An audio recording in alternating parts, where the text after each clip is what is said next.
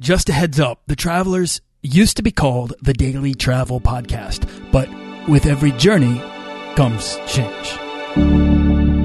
This podcast is produced by Holocene, a community of creative travelers. If you want to get serious about planning that next trip, writing that book, starting that creative project, or launching that business, we're breaking down the barriers between where you are where you want to be together at joinholocene.com. That's join, H O L O C E N E.com.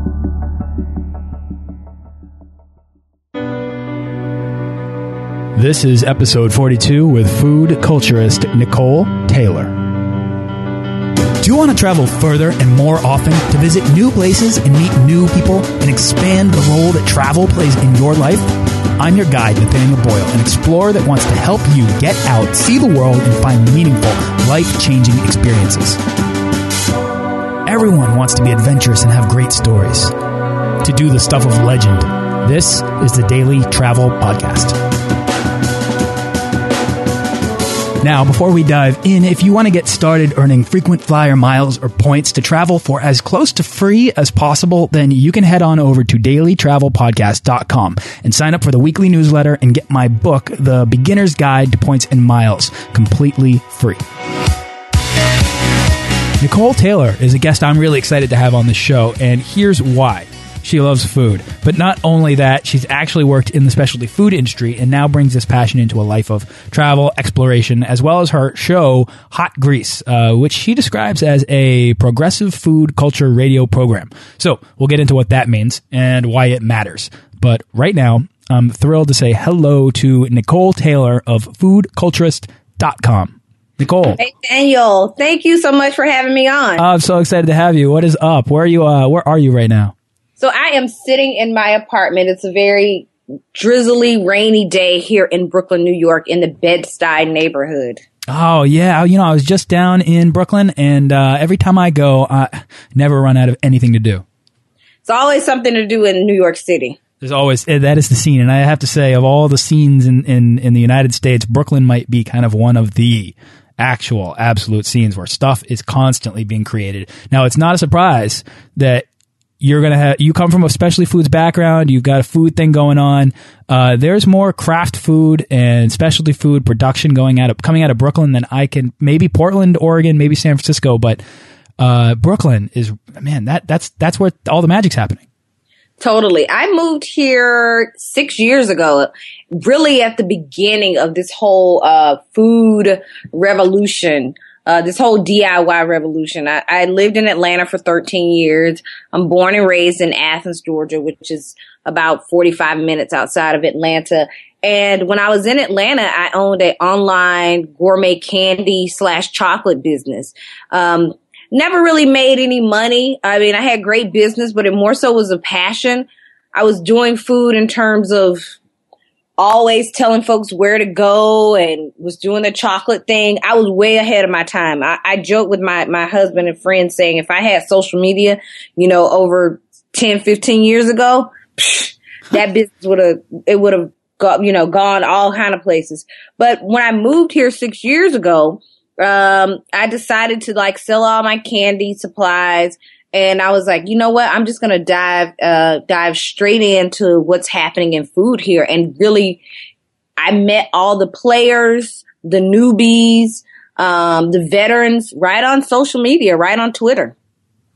You know, specialty food is kind of a thing that I think a lot of people are getting into, and uh, it's it's cool because it, it, it almost always does, like you said, it comes from like a passion project. It comes from a, uh, a desire to kind of express yourself through uh, through food. And I have always found that when I travel, I love to get down under the ground floor and use food as a way to kind of get a cultural understanding of the topography of wherever it is that I'm at. And uh, food, food really, really lets you do that because there's, like I said, an expression of the people being poured into the food. Um, and, and I believe that that's kind of what you're all about on your website, which is uh, foodculturist.com. Am I right? Oh, totally, totally. I mean, you know, wherever I travel, if it's just going to a neighborhood in New York City that I've never visited or traveling somewhere in the Northeast or the West Coast or out of the country, I create all of my agendas, all of my itineraries based on food. You know, where are the specialty food stores? Where are the farmers markets? Um, where are people who are doing really creative, innovative things around food? My whole trip is always, it always revolves around, uh, that. Uh, not, not, not an attraction, not the Eiffel Tower, but where the food is. All right, let's take a step back. And, uh, you know, I kind of shared a little bit about you in my intro, but if you could just introduce yourself to the audience, exactly who you are, and, um, and if you could speak to how you kind of developed a love of travel and how food relates to that, that would be great. So, um, I actually host, just like you, a, a online radio show slash podcast. I started it over five years ago on Heritage Radio Network. Heritage Radio Network is still located in the garden of Roberta's Pizza, which is kind of like the hipster DIY hotspot. They've been around for a while. Uh, so I started there. They currently have over 30 something shows, mainly about food. So back in August, I took a break just to kind of work on other projects and I just started just a, decided just a month ago to relaunch my podcast, uh, alone with no producer, no studio. So I set up shop at the Brooklyn Public Library. They have this amazing free mini studio where you can record and all that stuff. So I have guests on my show, Hot Grease. I try to get folks who are not getting a lot, of um, mainstream pub or kind of bubbling up. Folks that are, you know, making artisanal food. Um, folks who are writing cookbooks, but they're also talking about their travels all around the world or how they inspired their their cookbook. Um, I had a whole bunch of guests on the show, and I'm very grateful for that. I grew up in you know small town Georgia. I was a girl. I don't remember going on a yearly vacation. I grew up, you know, working middle class. I can say I was privileged in a lot of ways, uh, because I was exposed to, you know, arts and culture through, you know, community groups and churches or what have you. The first trip and the first thing that I remember going on, I was five years old and my mother put me on an airplane by myself to visit my great aunt and she was living in Washington D.C. at the time. I'm sitting here thinking, like, do they even let kids go on a plane that young now? I don't think so, do they?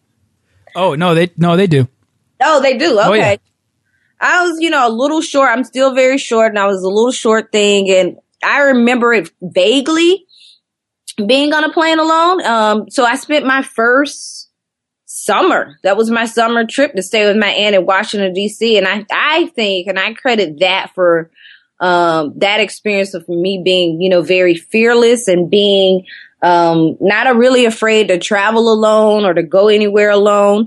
Um, the next trip I, not, I didn't really go out of the country um, at all until I was out of college. Um, I did a lot of U.S. trips.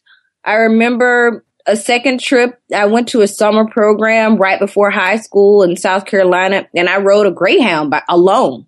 I probably was like 13 years old. I remember someone picking me up at the, the bus station, escorting me to the college that I was um, staying at for the summer for a math and summer program. So those are the experiences that kind of like planted a seed um, to travel. Um, you know, I was a girl in, in, in college where people were, you know, going on spring break trips. I was working. You know, I had I had to work to pay for college. I wanted to go on trips. Uh, I remember I had a college roommate who studied abroad and I was intrigued by that, but I had never, I'd never seen anyone in my family study abroad. So I didn't know what that meant. But again, um, the seeds were being planted. So basically when I graduated from college, that's when I was like, okay, I'm going to travel. I mean, this is what I want to do.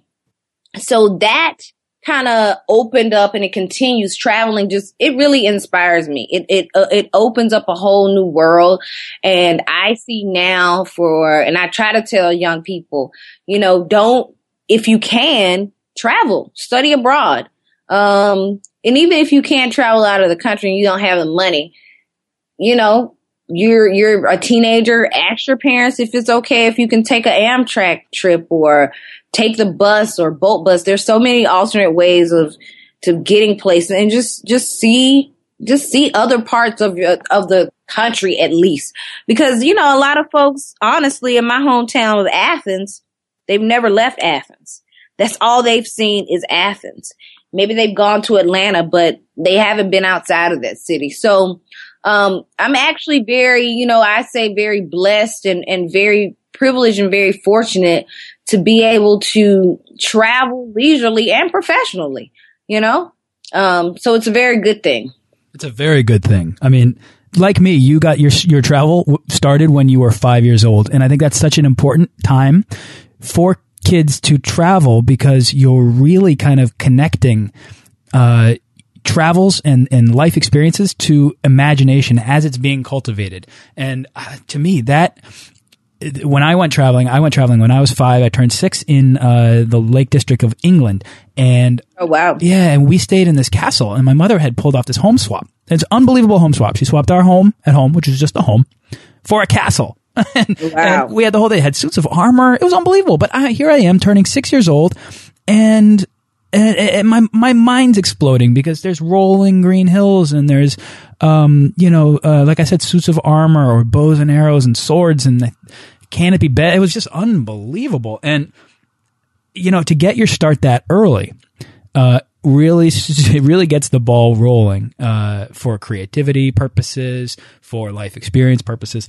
Um, but I think what's really interesting about you is that you very early got to start in solo travel, and I'm wondering if traveling on your own at very young ages, like five, or then again at 13 or any other times that you might have done that, did that kind of shed the fear or perhaps any hesitation that you need to travel with other people? Did that help you get out there to now take adventures on your own or to just kind of go and, you know, people can come with you if they want? Totally, totally. Because I mean, I think it's stripped away very early on that you don't need someone else to travel with you or to vacation with you or take an adventure with you to create a memory. Um, I also grew up as an only child. So, you know, I've done a lot of things alone. Um, and I've also made decisions and made and done things like start a business. Um, all those things you have to kind of rely on yourself. And I think I wouldn't have the courage to be able to, to move to New York or, you know, to start a candy business or to launch a blog if I did not feel like I could get on a plane or get on a bus um, or drive in a car several states to visit friends by myself. I never waited on anybody to do anything. So definitely those experiences um, shaped everything that that I do right now. Definitely, young people should totally. I, I think you know, seeing other people, being aware of who's around you. I re- now, as I'm sitting here talking to you, I think back particularly to the teenage, the first teenage trip on bus, just being aware, saying hello to people, but not talking too much because you don't want to get any crazy people in your life. All those things you kind of think about and I think about now when I travel. So solo travel early opens you up to solo travel as an adult, but also to just a life of being fearless. You know, you don't need someone else to travel. I mean, too often I think do people let that be an excuse? You know, whether it's I just simply can't go if no one else is going to go with me, if my spouse isn't going to go with me.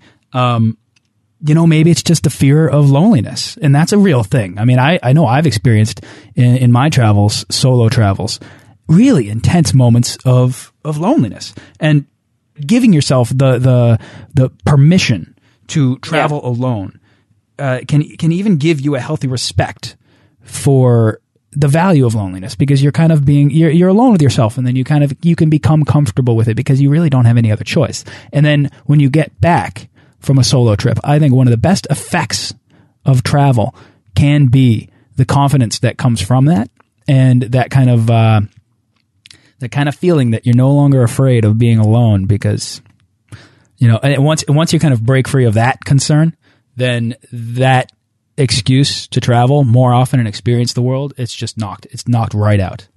Totally agree. Hands down. So, uh, at what point did food and travel come together for you? Wow. So I would say food and travel. I think it's always been it's always been there, but me really defining it and saying, "Wait, food and travel." It's when I moved here to New York City. um, and really started to write and do a radio show about food and really, you know, my life turned into 24 seven food. Um, that's when all my trips started being like, oh, uh, food, food has to completely lead everything I do.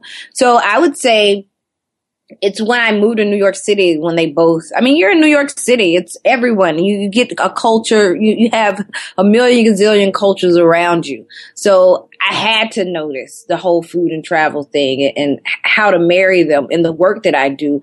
And, um, just, you know, and storytelling. What kind of stories? So like the stories that come from the makers of the foods? So, you know, I, lately I'm, I'm writing for Amtrak. They have a micro blog called My Black Journey. So I chose for uh, the stories that I'm writing for them to really focus on, I actually focus on locations. So the last one I did was on Harlem and I decided to interview a chef at this very popular restaurant that's, op- that's open called the Cecil. Uh, so I wanted to tell a story about him being from New York City and him traveling and traveling on Amtrak. So I kind of weaved in his travel experience through the Cecil, through Amtrak.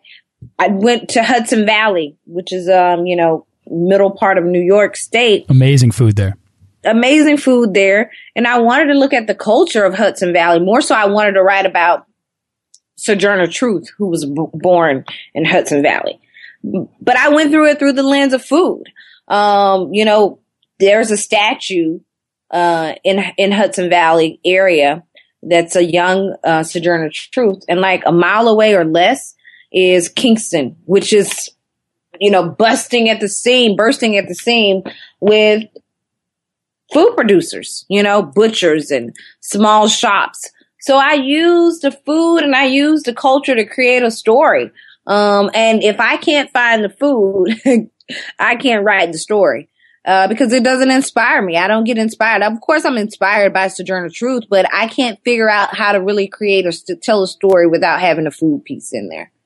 It's kind of weird, but I'm like obsessed over food. I think we all can be obsessed over food, uh, but I think it's such food is such a journey. And it is such an event it can be such an adventure. At a very young age my mother used to take me out to um, you know the the restaurant maybe i don't know once every other month or something. Uh, and it was one particular place and it was in the next town over from where i grew up and they served frogs legs and it was like oh, wow. frogs legs night. And you know i loved this as a little boy because it was like oh yeah we're gonna go eat frogs. And uh, uh, you know, I mean, nowadays it's that's a little bit less weird, but at the time it was really introducing me to view food as an adventure that you can go on in your routine life. You don't even have to travel. I mean, you can go right in your backyard and have yourself a new, like life changing experience through food. I'll say this too. I have to credit my mother as well. You know, Athens is, um, it's a small town, but it's a college town. So I feel like with most college towns all over the United States, particularly, there's always this, this food culture, very unique food culture. And, um, you know, the locals in Athens, it's kind of still like that. They really didn't go downtown to eat. Downtown back in the 80s in Athens was very much about food. Now it's all about bars. There's a lot of bars in downtown Athens.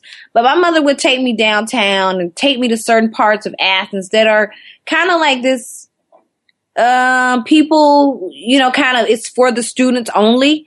Uh it's kind of this uh, unwritten rule, but my mother would take me there.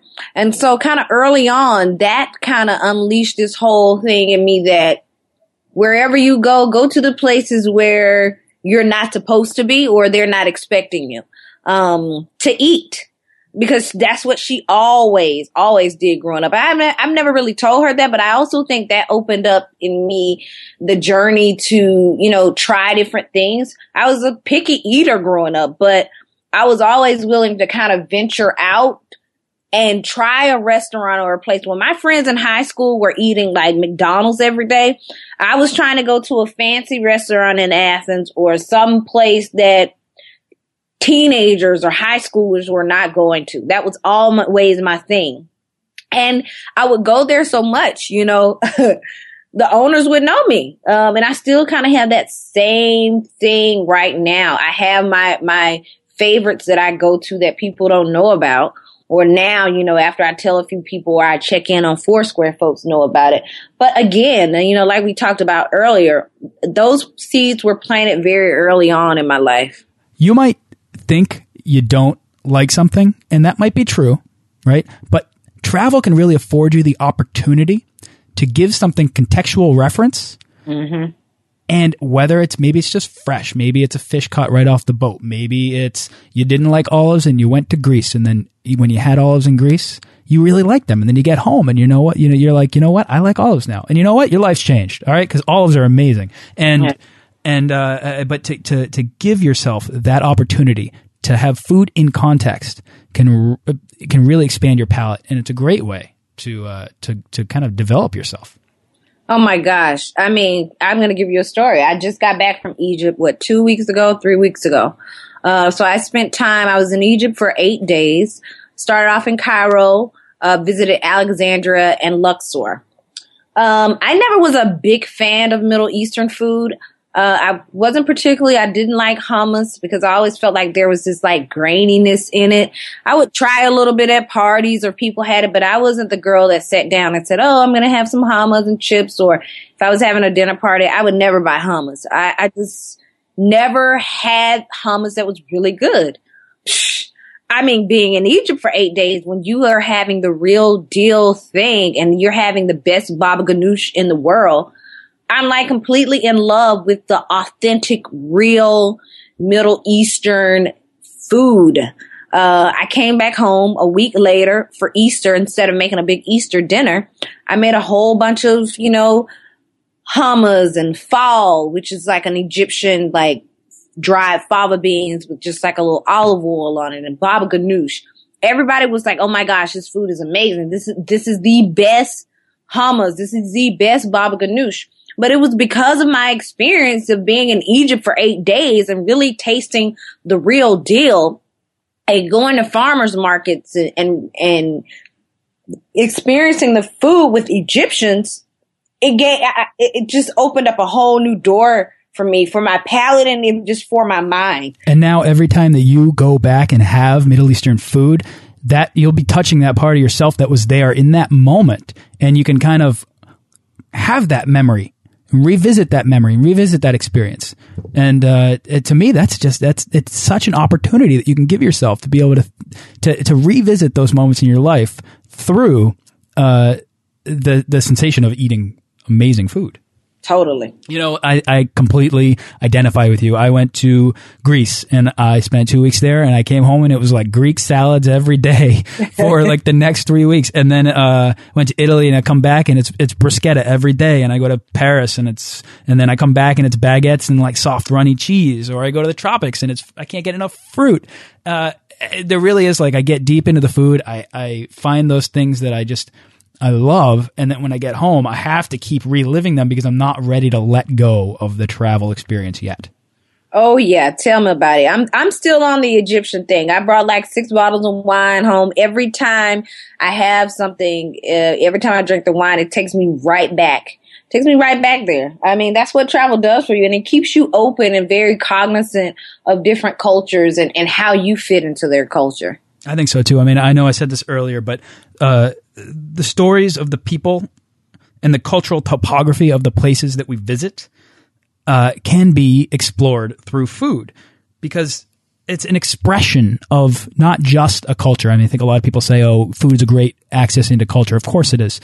But it's not just an expression of the culture; it's an expression of the individual that's preparing it for you, and it can be a really warm uh, expression, you know, because you're being taken care of. And I know there were times in my travels where I would be invited into dinner or I would be welcomed, you know, for, for a meal and to be taken care of through food and through like I had a, uh, a uh, going away party thrown for me. It was just me and like uh, maybe eight to ten uh, Balinese people in Indonesia, and we sat around their house on the floor of their house and had the most amazing foods that I've only recently rediscovered what they were. Um, but for them to to invite me over and cook me this food and get and share it with me in one evening privately, it's it's an unbelievably warm expression of a culture. And uh, for for anybody that loves food and that wants to have those kinds of experiences, I really, I, I, mean, you really have to pursue it. I really have to pursue it. I guess, Nicole, my question for you is how do you, when you go to Egypt or when you go traveling anywhere, how do you find good food on your travels? What you, what's your process? Oh, wow. It's, it's always ask the locals. I mean, it's never the travel books.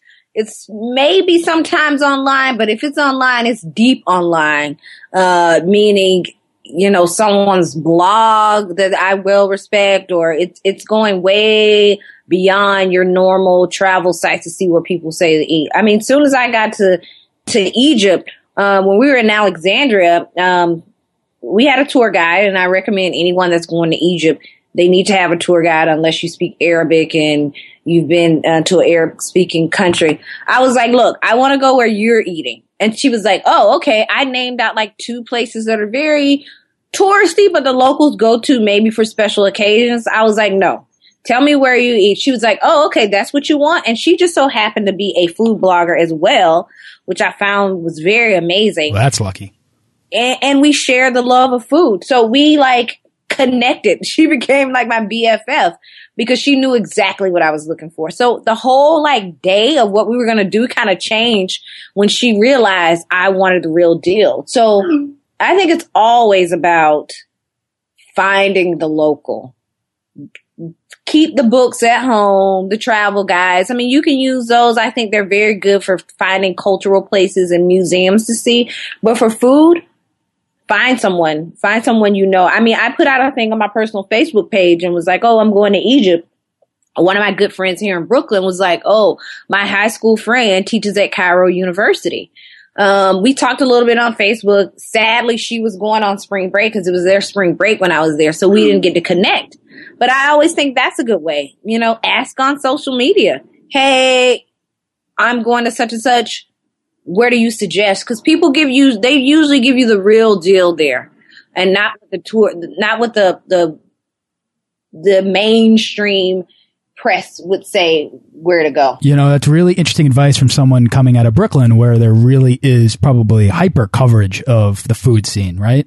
Yeah. I mean, you probably always want to go check out the new hotspot that, or the new like uh, hipster fried chicken and donut shop or something. And, um, you know, not that there's anything wrong with that, but uh, but I think that's right. I mean, there's so much noise out there about how you should travel, where you should go, what you should do, what you should eat, who's cooking the best food. There's nowhere on earth that hasn't really been written about already. But despite all the websites, television shows, travel guides, you know, I'm of the belief that the authentic world is largely undiscovered. And that's because oh. it's a personal experience, right? And you can't plan for the uh, the best stories to happen to you, and it's really hard to plan for the best food experiences to happen to you. You just have to kind of put yourself in a position to uh, discover them. Here's another thing too. I, I, think a great way to find local food. You know, I think people always have a thing that they're interested interested in.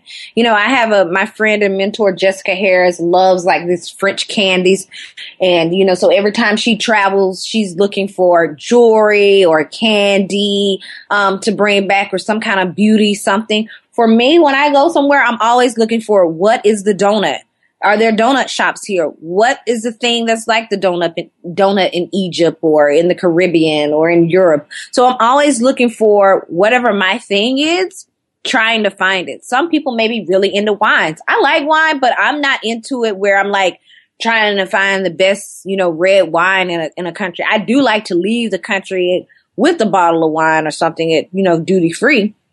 Definitely. But I'm always looking for what my thing is in the country and trying to find it. I think that's the, another great way of finding the authentic food culture when you travel. If you're into hot dogs or you're into, you know, street food, go to all the street food places, you know, or bakeries or coffee shops. I think that's a great way of really, you know, diving into to food culture in, in different cities. Yeah, food can be this big thing. It can be this big like iceberg that you're trying to chip into in order to find the thing that you really, you know, that really gets you going.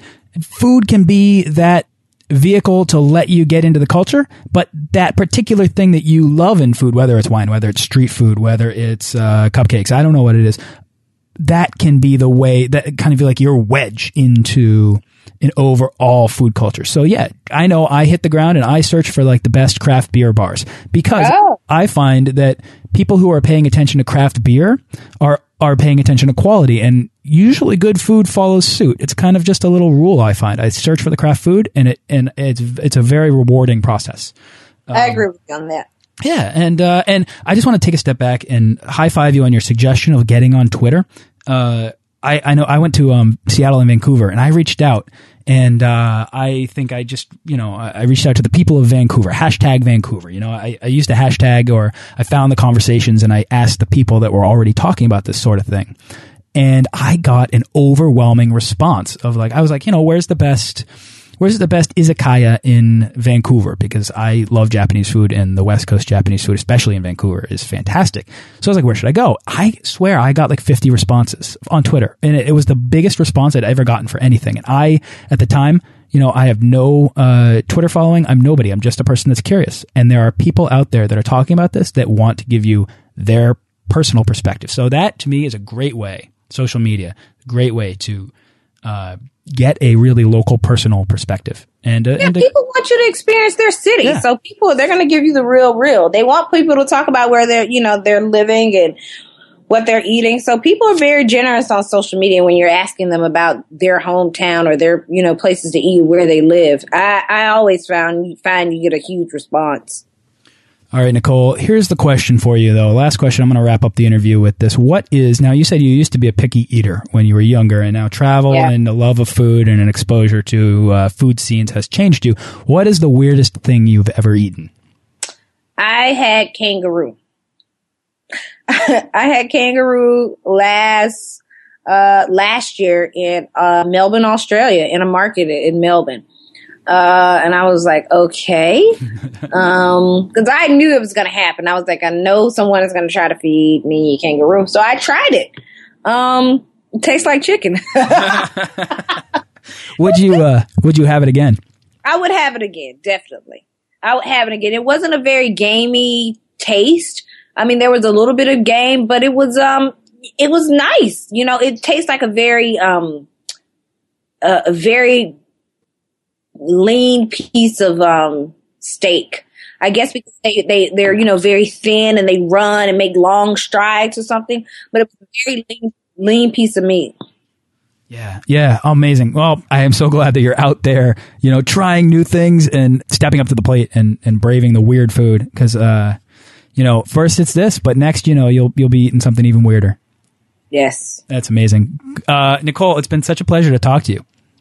Pleasure, pleasure being on your podcast talking about food and travel. Yeah, absolutely. What's, uh, next for you? Where's your next trip or what's your next project? So, uh, actually, last week I launched a travel, food, and travel zine.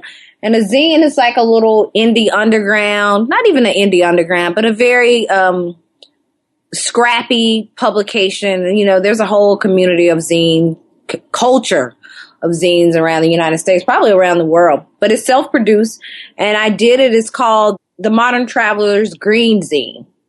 So I launched it. It's all about Philly. So it's where to eat in Philly, where to drink in Philly, where to shop, and where to see culture in Philly. 19 pages. I had an illustrator and a photographer to come to Philly with me, take photos, and I put it out. Sold uh, quite a few this past Sunday. And so I'm going to be launching the Etsy page for that. And it actually was inspired. I have to say this. It was inspired by Mr. Victor Green. And from 19, the mid 1930s until 1964, he put out this guide called the Negro Traveler's Green Book. Um, and it was for, you know, a time period where black people could not go to any restaurant or certain, certain Oh, wow. Uh, hotels or what have you. So he put this out. It was self-published and, um, it was successful Wow. only a few copies in the you know around in the United States. I think UNC has some of them. There are a few universities that have them archived. But really, the the whole concept of this little zine or publication that I did was is paying homage to his activism and just really him being ahead of the time in terms of um, putting out a travel. Travel uh, a guide. This zine is for everybody, you know. So I, I say it's for all progressive and curious souls. Um, but it's definitely a nod to him. It's a nod to him. People really were like, "Oh, will you do my city?" People asked me to do Detroit. Someone asked me to do coastal Georgia. So I'm starting to get these requests, but it was a lot of work. I worked on it for like three months. Um, so that's the next big thing that I'm launching. My podcast right now, I'm on SoundCloud under food cultures, still cranking out a podcast a week, writing more and hope to do a cookbook, you know, hope to get a cookbook deal, um, to talk about my experience in moving from the South, moving to New York City and how really, uh, different food cultures, particularly in New York City and traveling kind of, um, inspired, uh, a new version of me in the kitchen as a southerner. So yeah, a lot of a lot of interesting things in the works and happening. You sound inspired. I can hear the inspiration in your voice, and clearly uh, you've uh, you're hitting a stride, which I think is so cool. I want to check out that uh, uh, that zine that you're talking about. Congrats on launching that. Congrats on relaunching your podcast. It's all very good. Is there anything else um, you know you'd like to share about food or travel before we wrap up? I would like to say that I think people should just do it. You know what I'm saying? Make the sacrifices. I know a lot of people say it's a money thing. I get it. Cause like I said earlier in the podcast, traveling for my family, you know, I grew up, I was raised by my two aunts, my uncles, and my mom. Traveling wasn't a priority because they didn't travel, but they never hindered me f- from, you know, doing whatever I wanted to do. If I said I wanted to travel around the world, they were always very supportive. So I say if there's a young person in your life, you know, don't give them, you know, just some money or gift card somewhere. Buy them a passport or take them to get their passport for their 16th birthday. Um, buy them a ticket, you know, an open ticket somewhere. You know, I think people should start very early on with this generation, young generation, planting the seeds. That's my advice. There's no one in your immediate family take on someone, take on some young person and, and, and give them the gift of, of travel and it'll open up the doors, you know, to food. And not only to food, to open the doors for them just being fearless.